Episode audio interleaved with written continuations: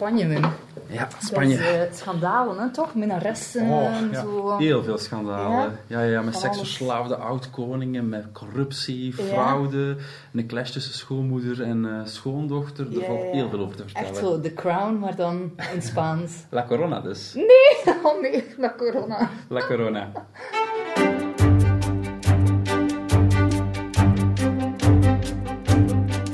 Ze is blond, ze heeft helblauwe ogen en een schattige glimlach. Je kan het je al voorstellen, prinses Leonor is super populair in Spanje. En toch, Elke, toch is haar positie niet evident. Hmm, ja, voor geen enkele prinses, hè, precies.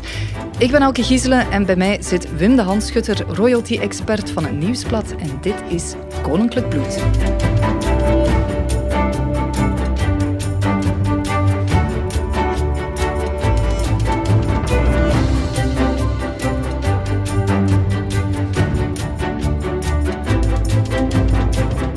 Dag Wim. Dag Elke. Maar misschien moet ik zeggen, hola señorita. Oh ja, dat mag, dat mag maar ik, ik weet niet wat ik ga kunnen antwoorden. Ik ben ook niet zo goed in Spaans, moet ik eerlijk zeggen. We zitten in Spanje vandaag. We gaan het hebben over kroonprinses Leonor van Spanje.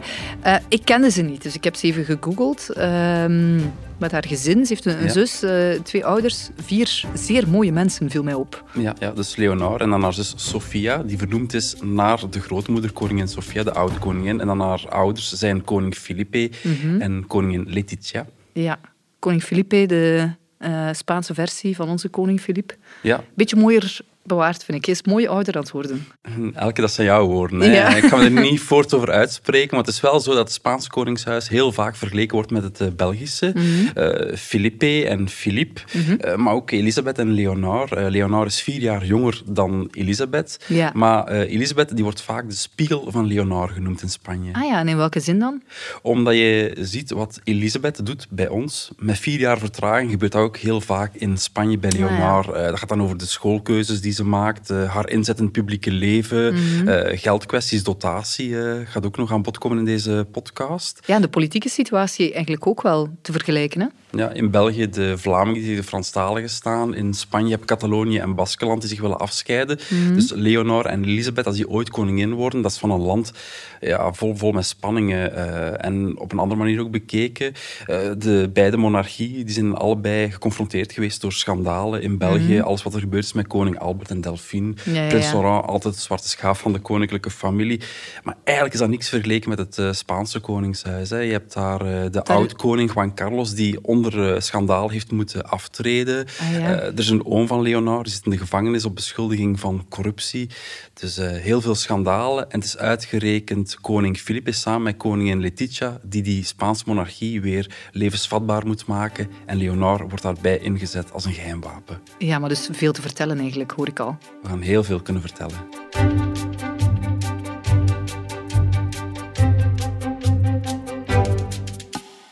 Prinses Leonor, ik zei het daarnet, blond haar, blauwe ogen, prachtig meisje. Een beetje de hoop van Spanje, een, een nieuwe generatie die klaar staat, eh, gezicht van een nieuwe monarchie. Om haar te leren kennen is het eigenlijk ook altijd interessant om eens te kijken naar haar ouders en, en hun verhaal. Felipe en Letitia, zei je daarnet. Hè. Hoe hebben zij elkaar leren kennen? Hun verhaal dat begint begin jaren 2000. Letitia Ortiz is op dat moment een journaliste. Eerst bij de Spaanse CNN+. En later ook bij de Spaanse openbare omroep. En ze verslaat daar alle grote gebeurtenissen. Bijvoorbeeld de nasleep van 9-11 in New York. Especial de Española Leticia Ortiz, buenas noches. Buenas noches, Carmen. Dice el gobierno de Bush que tiene pruebas, aunque la rueda de En Letitia en mañana die ontmoeten elkaar op verschillende gebeurtenissen. Bijvoorbeeld een olieramp, waar dat hij polshoogte komt nemen als toen nog eh, kroonprins. En zij is daar als eh, journaliste. Eh, ze gaat ook verslaggeving doen van evenementen waar dat hij een speech op geeft. En op een van die momenten moet dan de vonk zijn overgeslagen. Het is een beetje alsof koning Filip eh, als kroonprins zou getrouwd zijn toen met, met Goedele Wachters of Katrien van Moerkerk of zo. Ja, ja, ja, dus zo kun je het eigenlijk wel vergelijken, want ze was ook een nieuwslezeres. Ze presenteerde Ja. Het belangrijkste tv-journaal op de Spaanse tv. En ehm, die relatie van Felipe en Letitia is altijd onder de radar gebleven. Dus niemand had iets door dat er tussen die twee iets aan het eh, broeien was. En wat heel bijzonder was, we moeten teruggaan naar 31 oktober 2003. Dan presenteert Letitia het avondjournaal op de Spaanse tv. También llegó anoche a Chinchilla el ministro de Fomento, Francisco Álvarez Cascos, confirmó que la causa más Wat niemand op dat moment beseft, Elke, error is dat Letitia op dat moment voor het laatst het nieuws heeft gepresenteerd. Want Ja. zanderdag is ze zelf het nieuws. Ze is het hoofdpunt van het tv-journaal. Ja. Als het Koninklijk Paleis bekend maakt dat de prins van Asturië, dan spreken we over Felipe, want dat is zijn eh, titel, Mhm. als die zich gaat verloven met Letitia, de journaliste. Mhm. Oké, dus heel dat land in rep en roer. Of wat, wat waren de reacties? Die waren best wel positief, ook al waren er een paar addertjes onder het gras, maar die vormden niet echt een probleem. Letitia bijvoorbeeld, die was al eens getrouwd geweest met een leraar. Ze was een jaar gescheiden, maar dat vormde op zich geen probleem, want er was geen kerkelijke inzegening van de huwelijken geweest, dus het Ah, stond ja. niet in de weg dat ze ging trouwen met de kroonprins. En ook Philippe zelf, die had al een behoorlijk amoureus brokkenparcours eh, gereden. Want wat er in, in Spanje, en zeker in de koninklijke familie, een beetje eh, gevoelig lag, was dat hij een jarenlange relatie had met een Noors fotomodel, een lingeriemodel. En dat was natuurlijk wel beter, vonden eh, koning Juan Carlos en koningin eh, Sofia, dat Felipe thuis kwam met een journaliste.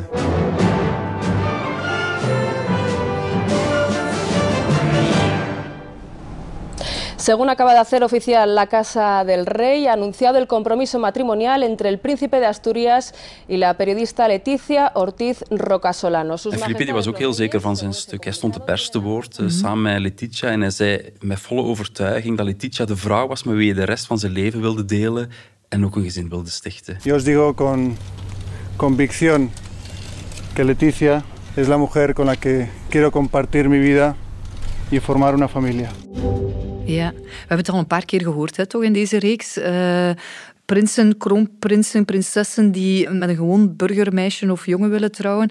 Wanneer was dit? Was dat in een periode dat dat moeilijk lag? Of dat kon toen? Of... Er was een hele kentering eh, aan de gang. Oké, Ja. Philippe en Mathilde. Mathilde eh, die had blauw bloed, die kwam uit een adellijke familie. Dat was dan eigenlijk nog de uitzondering. Eh, bekijk de rest van Europa. Eh, Nederland, Willem-Alexander is getrouwd met Maxima, met de dochter van een minister. In Noorwegen, Hakon, het verhaal met, met de Maurits. De, Drugs. alleenstaan, ja, de alleenstaande moeder met een beetje een drugsverleden. Eh, het frappantste voorbeeld, misschien Zweden. Eh, de kroonprinses daar, Victoria, die is getrouwd met haar fitnessinstructeur. Oh god. Dus dat was dan het, het hele tegenovergestelde van een adellijke familie. Dus er waren wel veranderende tijden. En op 22 mei 2004 stonden Felipe en Letitia voor het altaar in eh, Madrid en beloofden ze elkaar trouw te blijven tot het einde van hun dagen. Yo, Felipe, te recibo a ti, Leticia, como esposa y me entrego a ti. Y prometo serte fiel en la prosperidad y en la adversidad, en la salud y en la enfermedad, todos los días de mi vida. Yo, Leticia, te recibo a ti, Felipe, como esposo y me entrego a ti.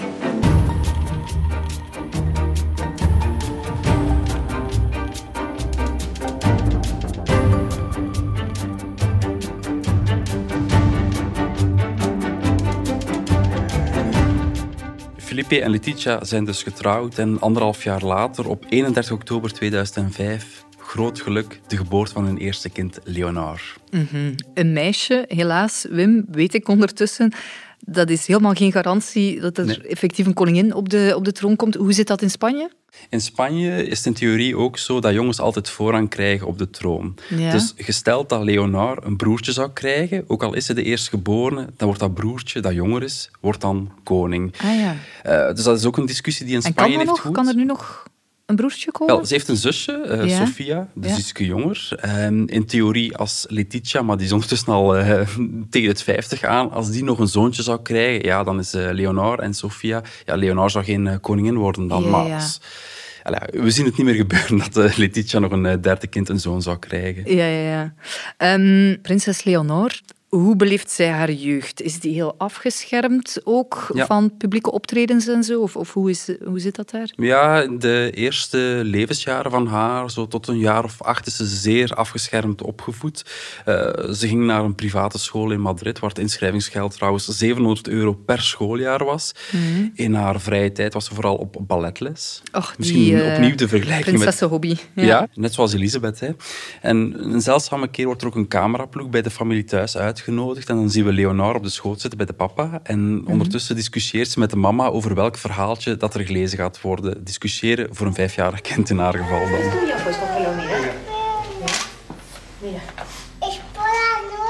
Er zijn ook een paar fotomomenten eh, met haar. Eh, De eerste schooldag, de eerste communie, de ontvangst van de Spaanse voetballers die net wereldkampioen eh, waren geworden. Eh, dus een redelijk traditionele opvoeding. Ja. Maar er verandert natuurlijk heel veel als haar grootvader, koning Juan Carlos, zijn troonsafstand aankondigt. Ah ja, hoe oud was ze toen? Ze was toen acht jaar. We gaan daarvoor terug naar 2 juni 2014.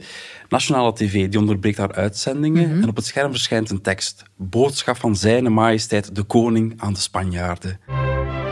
De koning komt in beeld. Hij zit achter zijn bureau. En achter hem zien we twee eh, vlaggen, de Spaanse en de Europese. En ook twee fotokaders. En één daarvan is hij samen met Felipe en Leonor. En op dat moment maakt hij zijn troonsafstand eh, bekend. Hij Ja. zegt dat de tijd rijp is voor een nieuwe generatie. En dat zijn zoon Felipe de volwassenheid, de voorbereiding en de verantwoordelijkheid heeft om de rol van staatshoofd op zich te nemen. En dat het tijd is voor een nieuwe fase van hoop voor een nieuwe generatie. El príncipe de Asturias tiene la madurez, la preparación y el sentido de la responsabilidad necesarios para asumir con plenas garantías la jefatura del Estado y abrir una nueva etapa de esperanza en la que se combinen la experiencia adquirida y el impulso de una nueva generación. Contará para ello, estoy seguro, con el apoyo que siempre tendrá de la princesa Leticia. Eh, hij verwees in eerste instantie naar zijn leeftijd. Hij was 76 jaar, dus eh, hij vond de tijd rijp om, eh, om zijn pensionering eh, uit te roepen.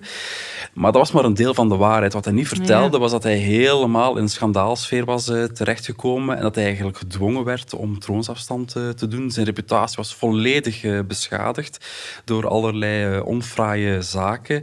En dan is het heel bijzonder dat je moet weten dat hij eigenlijk eh, bij zijn troonsbestijging midden jaren 70 nog onaantastbaar leek. Dat hij super populair was. En die reputatie heeft hij eigenlijk helemaal eigenhandig aan diggelen geslagen. que reinará con el nombre de Juan Carlos I. Señores procuradores, señores consejeros, desde la emoción en el recuerdo a Franco, ¡viva el rey! ¡Viva! ¡Viva España!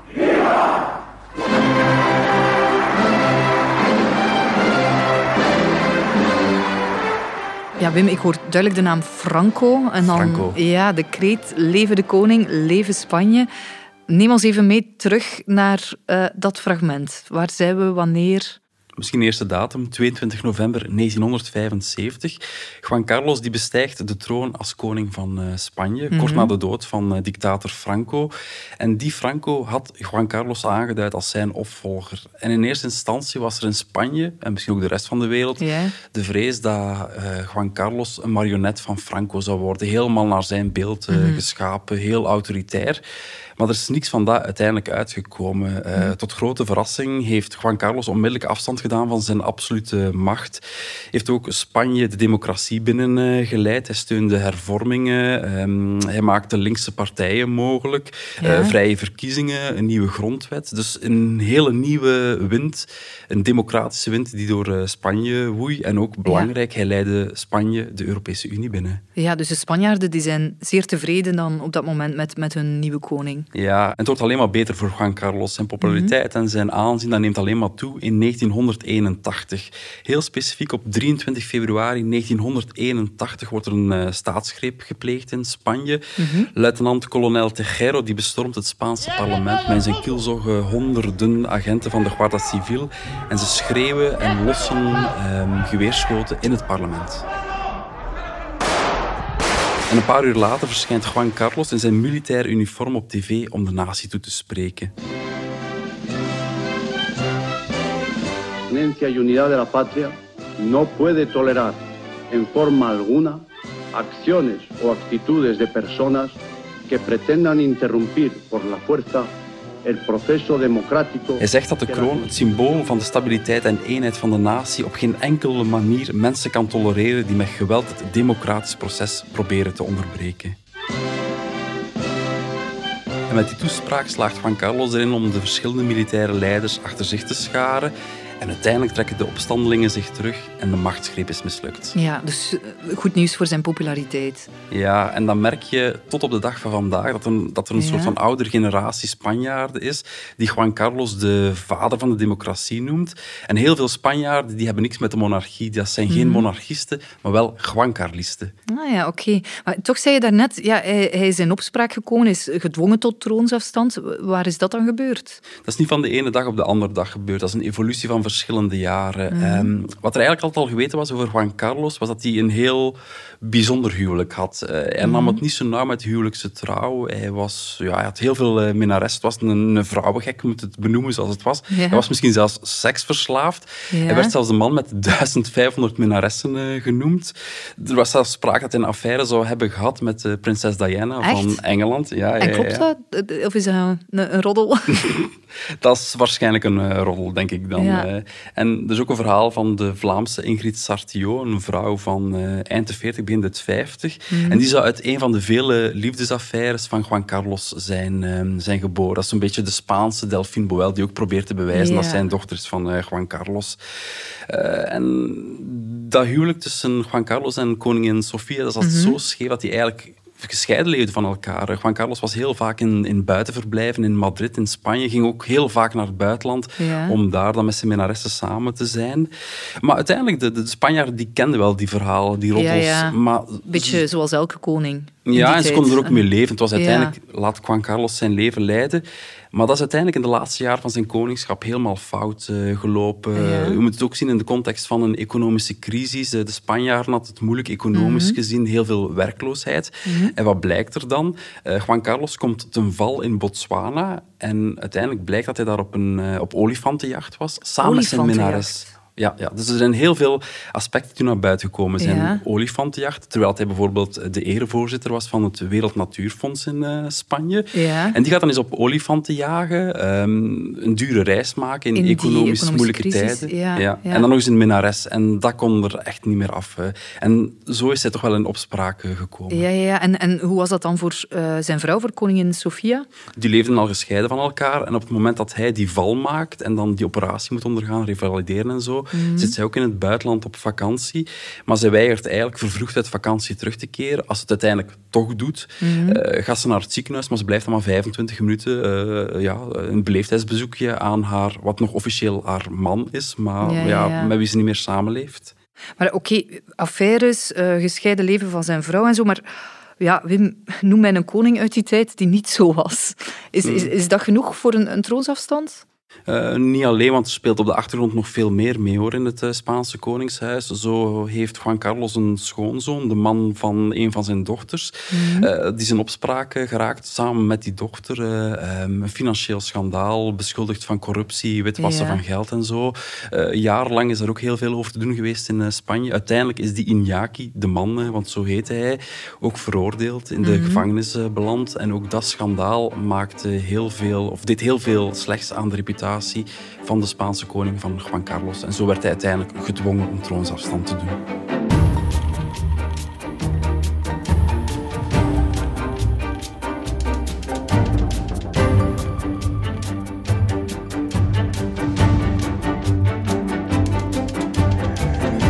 ¡Viva el rey! ¡Viva! ¡Viva España! Viva el Rey, Viva España horen we. Maar nu voor de nieuwe koning, voor Felipe. Ja, Felipe die legt op 19 juni 2014 de eed af als de nieuwe koning van Spanje. En in zijn troonrede maakt hij meteen duidelijk dat hij, ehm, ja, dat hij de verandering zal zijn waar de Mhm. Spanjaarden zo naar snakken. Letterlijk zegt hij een vernieuwde monarchie voor een nieuwe tijd. Estas son, señorías, mis convicciones sobre la corona que desde hoy encarno. Una mon- monarquía renovada para un tiempo nuevo. En Felipe die wil heel duidelijk een moderne koning zijn. Hij zegt, de kroon die moet dichter bij de mensen komen, Mhm. een respect winnen, prestige behouden. En het is ook zijn duidelijke ambitie om voor verandering te staan, een Ja. integer koningshuis te hebben zonder schandalen. Ja, ja, ja. Eh, en daarvoor knipt hij ook heel nadrukkelijk de band met zijn vader door. We zullen het er misschien straks nog over hebben dat Ja. eh, Juan Carlos verbannen wordt naar de Verenigde Arabische ja, ja, ja. Emiraten. Maar Felipe gaat zo ver dat hij zelfs afstand heeft gedaan van de erfenis. Dus als zijn vader Ja. ooit sterft, moet hij zijn geld niet meer hebben. Zo duidelijk neemt hij afstand van zijn vader. Ja, ja, ja. Leonor die was acht bij uh, de troonswisseling, zei je daarnet. Op welke manier verandert haar leven op dat moment? Voor haar familie en vrienden blijft ze natuurlijk Leonor, maar mm -hmm. voor het grote publiek wordt zij nu opeens de prinses van Asturië. Dat is de titel die de troonopvolger in Spanje krijgt. Ja, en uh, haar publieke rol, verandert die op een of andere manier? We hebben al gezien, ja, bij Elisabeth bewust ingezet worden. In, in Nederland, Amalia ja. wordt net wat, wat afzijdig gehouden tot haar achttiende.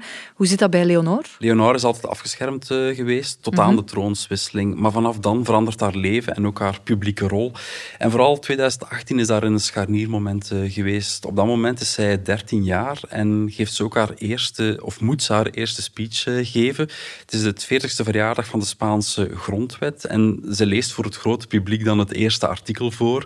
En dat gaat, artikel 1, Spanje is een sociale en democratische rechtsstaat die vrijheid, rechtvaardigheid, gelijkheid en politiek pluralisme bepleit als hoogste waarde van zijn rechtssysteem. Artículo 1.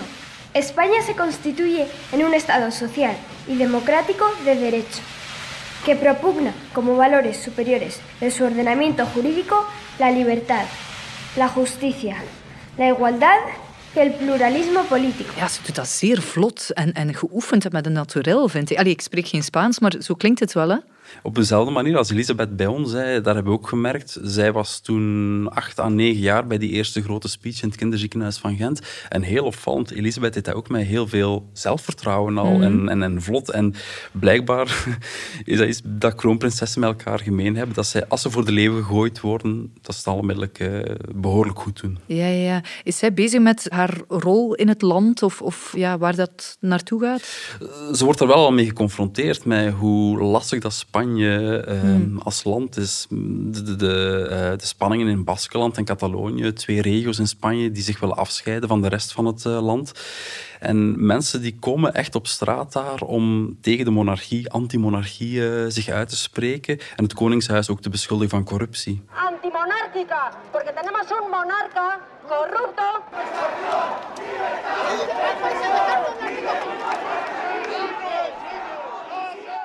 Dat moet wel akelig zijn voor een jong meisje om, om, om dat te merken, dat dat, dat, dat leeft. Uh, het fragment dat we net ja. hebben gehoord, dat was dan eigenlijk nog heel ver van waar zij toen was. Maar ze heeft mm -hmm. ook al meegemaakt dat de betogers letterlijk voor de deur stonden.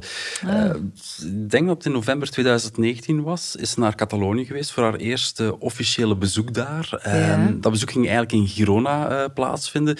Is daar niet kunnen plaatsvinden omdat ze daar zo tegen de komst van de Spaanse koning en zijn familie waren. Is uiteindelijk naar Barcelona um, verhuisd, dat evenement. En toen hebben betogers letterlijk uh, s'nachts voor het hotel van de koninklijke familie uh, uh, met, met potten en pannen staan trommelen en lawaai maken, nee. zodat die koninklijke familie uit een slaap gehaald werd. Dus, Ach, Zover gaat dat protest uh, daar. En bij haar bezoek aan Catalonië heeft Leonor ook een speech gegeven. Um, ze moest daar de Prinses van Girona-prijzen uitreiken, die vernoemd werden naar haar Catalaanse titel dan weer. En uh, dat was een speech in het Spaans en in het Engels. I would like to specially thank those who have come from far. Your presence here today is greatly appreciated. Amai, dat Engels. Mm -hmm. Straf, hè? Ja, ja, het is heel opvallend uh, dat ze zo goed Engels spreekt. Ze heeft een Engelstalige nanny. Zal er mm -hmm. zeker mee te maken hebben dat ze die taal zo goed uh, beheerst. En ook met haar grootmoeder, met wie ze echt heel goed opschiet, spreekt ze ook heel veel Engels. Dus zo leert ze ook nog eens. Ja, ja, zeg maar, nu dat je over haar grootmoeder begint. Er was toch zo'n een, een incident... Uh, ja, ja, ik weet al. Ja, ja. ja tussen Letitia ja, en... en uh, hoe zat dat nu weer precies? Ja, misschien moeten we het eerst even opzoeken op YouTube. Dat was in 2018. Incident Letitia Sofia. Voilà, hier hebben we het.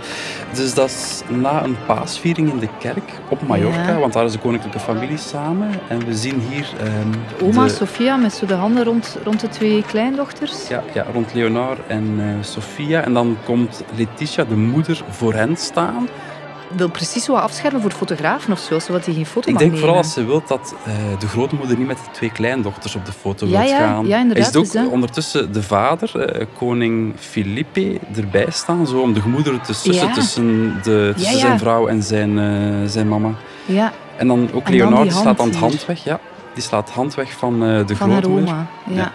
Was een heel pijnlijk moment. Uh, want maar hier... en waarom? Want ja, je zei net, ze, ze, spreekt Engels met haar oma en zo, dus ik dacht, die komen supergoed overeen. Maar die komen ook goed overeen. Alleen komen uh, de twee koninginnen, de oud-koningin Sofia en de nieuwe ja. koningin Letitia, niet met elkaar overeen. En dat wordt op dat moment heel pijnlijk duidelijk. Ja, ja want het is wel een gênant, gênant fragment. Ja, een van de redenen is, we hebben het al gehad over die, uh, die ene schoonzoon, Iñaki, die dan uh, ja. qua corruptie en witwassen ah, ja, geld in opspraak was gekomen.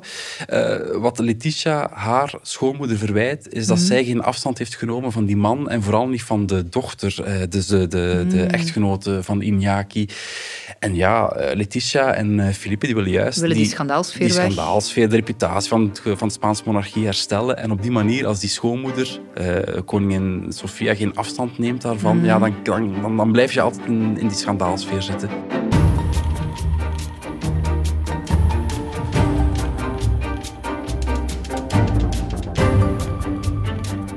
Leonor die krijgt dus al meer een publieke rol vanaf haar achtste dan ongeveer. Um, maar ze gaat naar school ook, hè, waarschijnlijk. Ze is dit schooljaar begonnen aan het Atlantic College in Wales. Ah, maar die school mm, kennen we. Ja, ja, van Elisabeth. Van Elisabeth. En ook de school waar ik toch een keer voor ga kijken om mijn zoontje in te schrijven. Omdat Alexia van Nederland daar zit, de zus van Amalia. Ja, iedereen zit er. Ja, ja, ja. ook uh, koning Willem-Alexander heeft er begin jaren tachtig gezeten. Ja. Dus even nadenken. Ja. En dat is wel een heel bijzondere school, want je kunt niet zeggen dat er een opleiding tot koningin bestaat. Of een koninginnenschool waar je mm -hmm. iemand naartoe kunt sturen als prinses en dat hij er als koningin naar buiten komt. Maar als je de filosofie van de school bekijkt, ja, het benadert wel het principe daarvan. Want mm. uh, tieners van over heel de wereld, uit alle lagen van de samenleving, die studeren en leven daar samen. Ja. Dus echt een blauwdruk van onze maatschappij. Mm -hmm. uh, je krijgt daar de gewone vakken, dus gewone schoolvakken zoals uh, wiskunde en talen, maar ook heel specifieke lessen over ecologische systemen, ja. over religies, over vredesvraagstukken. En dat verruimt het wereldbeeld van de toekomstige ja, ja, koningen en koninginnen. En ook heel belangrijk, ze moeten daar vrijwilligerswerk doen. En dat is ook Mhm. heel belangrijk, want een koning of koningin moet altijd wel ten dienste staan van de samenleving. En dat leren ze misschien door vrijwilligerswerk te doen in hun jeugd. En Is dat dan nu echt doordat Elisabeth, onze Elisabeth daar gezeten heeft, dat ze ook Leonor daar naartoe Het sturen? is een goede referentie dat Elisabeth daar naar school is gegaan. Zij is de oudste van haar generatie, we hebben het al een paar keer eh, gezegd. Mhm. En als we het opnieuw de vergelijking tussen Elisabeth en Leonor maken, ook in Spanje wordt er echt zo naar haar eh, gekeken. El Ja. País, de grootste krant van het eh, land, die heeft al artikels gepubliceerd. Elisabeth van België, een nieuwe manier om je voor te bereiden om koningin te worden. Amai, dus ook zo echt in de pers en zo. Ja, Ja, ja, er is een eh, Spaanse collega van mij, Andrea Mhm. Mori, van de veelgelezen nieuwssite Oké Diario, Look. Mhm. Die noemt eh, Elisabeth de spiegel voor Leonor. Ja. Omdat je ziet van ja, alles wat zij doet, doet Leonor ook. Die publieke opdrachten van speeches geven als Mhm. kind is één voorbeeld. De schoolkeuze, Wales eh, speelt ook mee. Ehm, Elisabeth heeft een militaire opleiding Ah, ja, gekregen. ja. Die heeft vorig schooljaar in het leger gezeten. Dat gaat Leonor ook moeten doen. En er gaat ook een discussie ontstaan in Spanje. Moet Leonor een dotatie krijgen als ze 18 jaar wordt? Ah ja, want dus Elisabeth heeft die geweigerd voor haar 18e verjaardag. ja, Hoe zit het bij Leonor? Wel, Elisabeth heeft die eh, geweigerd, niet zij, maar haar ouders. Philippe Ja. en Mathilde hebben die keuze voor haar gemaakt. Zolang dat Elisabeth studeert, geen behoefte aan Mhm. eh, geld uit de staatskas. Amalia van Nederland is dat voorbeeld van Elisabeth gevolgd. En nu begint in Spanje dezelfde discussie. En dan wordt er gekeken naar Elisabeth. En je voelt het al aankomen. Door die vergelijking met Elisabeth is de kans heel groot dat Mhm. Filippi en Letitia dezelfde beslissing maken als Philippe en Mathilde. Geen dotatie voor Leonor, zolang dat ze studeert. Ja, ja. En ooit wordt Leonor dus koningin van Spanje.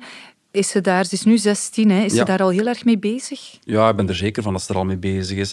Vlak voor haar veertiende verjaardag zei ze dat haar rol als kroonprinses haar verplicht tot toewijding en inspanning om Spanje en de Spanjaarden te dienen.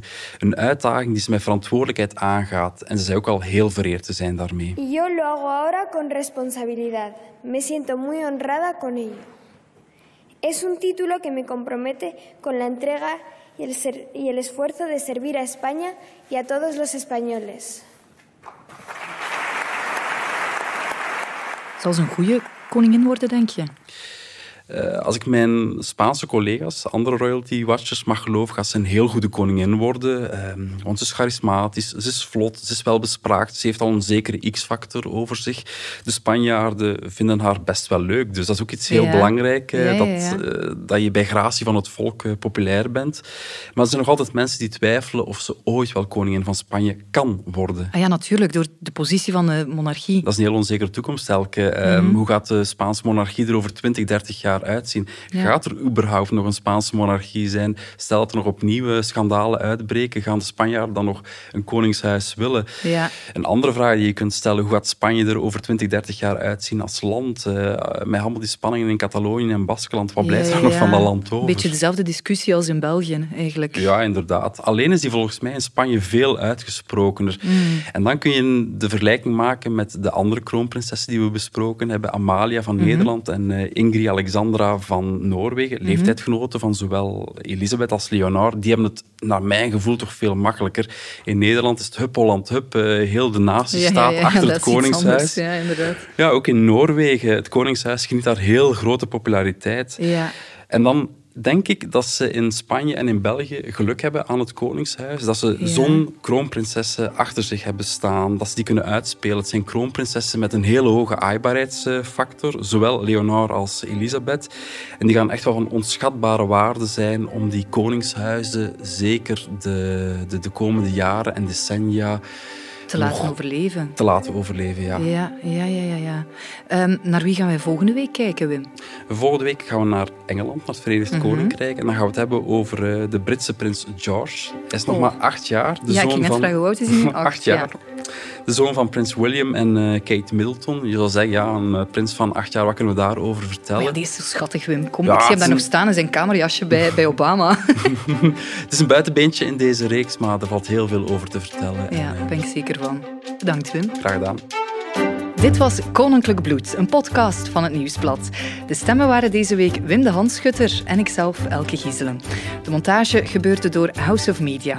De productie was in de gedecideerde handen van Bert Heijvaart.